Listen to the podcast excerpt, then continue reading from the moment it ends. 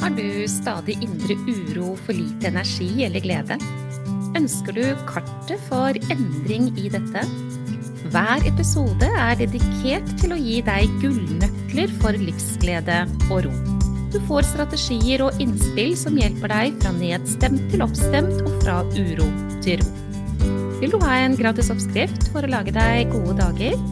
Gå til www.gayabalanse.no for din herlige morgenrutine.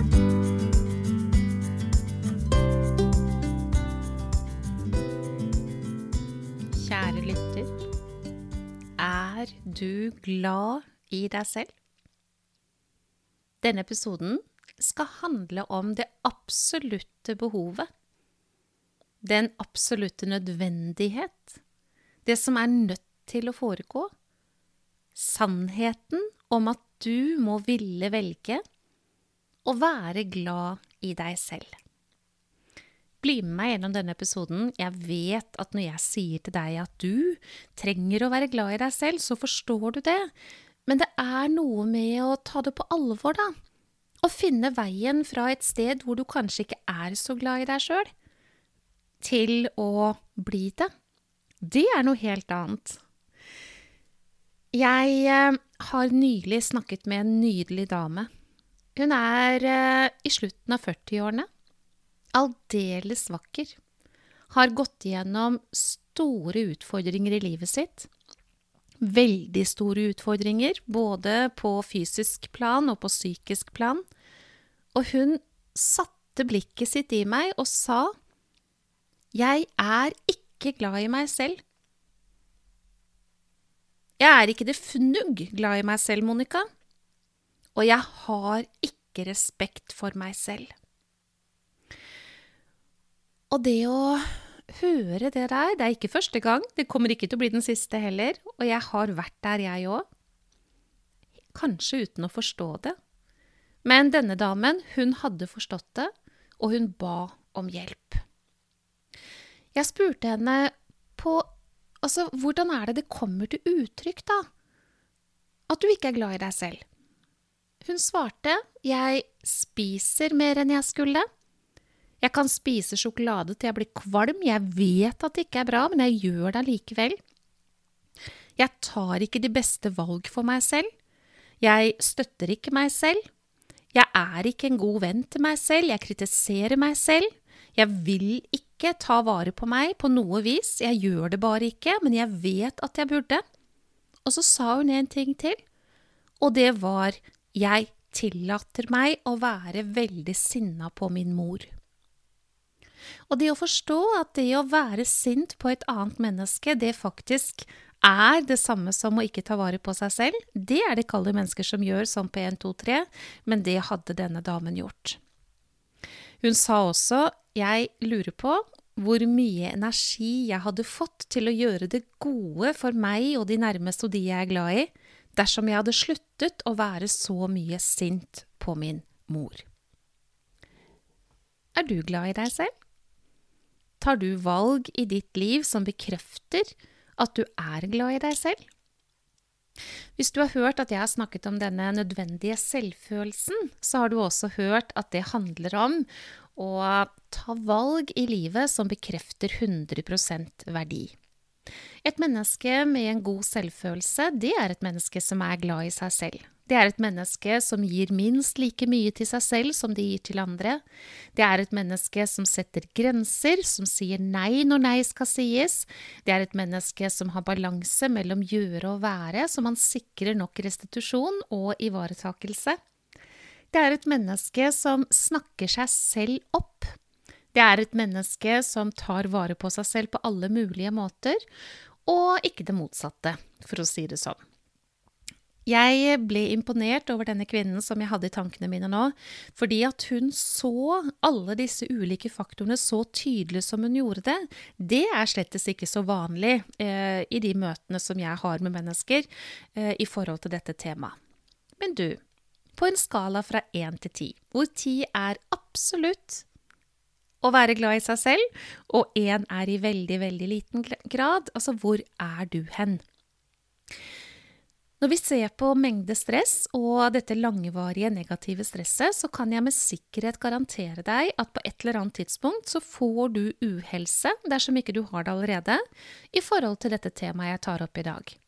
Fordi dette med å ikke ta valg som bekrefter 100% verdi, det vil gi veldig mye stress. Tanker som ikke bekrefter at man er glad i seg selv, valg som ikke bekrefter at man er glad i seg selv, Alt dette henger sammen, og det gir enorme kilder stress.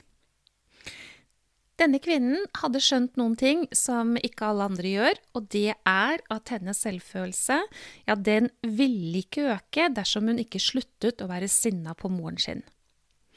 Og så pratet vi litt om dette. Det er en lang historie, jeg skal ikke ta den for deg nå, men det er en lang historie med en barndom hvor hun ikke ble sett, hørt og forstått. Det er en historie med at hun rett og slett ikke har opplevd kjærlighet fra mor, da, og det skjer, det. Så det er ikke unikt i så måte.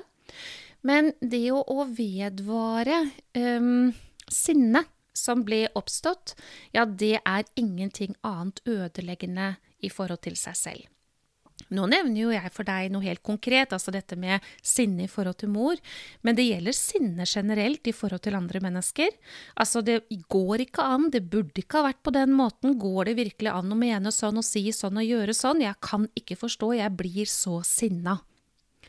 Det er rett og slett ødeleggende. Der er det en stressaktivering med en eneste gang.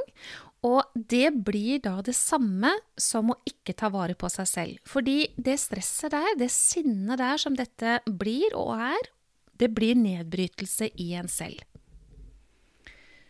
Dersom man er glad i seg selv, så tillater man ikke seg selv å bryte seg selv ned. Dersom man ikke er så glad i seg selv, så er man mye bedre på å faktisk tillate å bryte seg selv ned, og det var det jeg ville belyse i denne episoden. Så hvor er du på skalaen fra 1 til 10? Hvis du er på 3-4, så har du mest sannsynlig tilnærminger i livet ditt i dag hvor du ikke bekrefter at du har 100% verdi. Du tar ikke godt nok vare på deg selv, du har noen mønstre som gjør at du hele tiden bekrefter at du ikke er verd mer kjærlighet. Er du oppe på 9-10, hvilket jeg jo ønsker for deg at du skal være, så tar du helt andre valg. Du møter på en annen måte, du håndterer på en annen måte, du har en tilnærming til livet på en annen måte enn dersom den scoren er mye lavere. Så kjære deg, hvor er du fra 1 til 10 i forhold til dette med å være glad i deg selv? Alle mennesker med lav selvfølelse, de scorer dårlig på den eh, skalaen der. Og mennesker med god selvfølelse, de scorer høyt.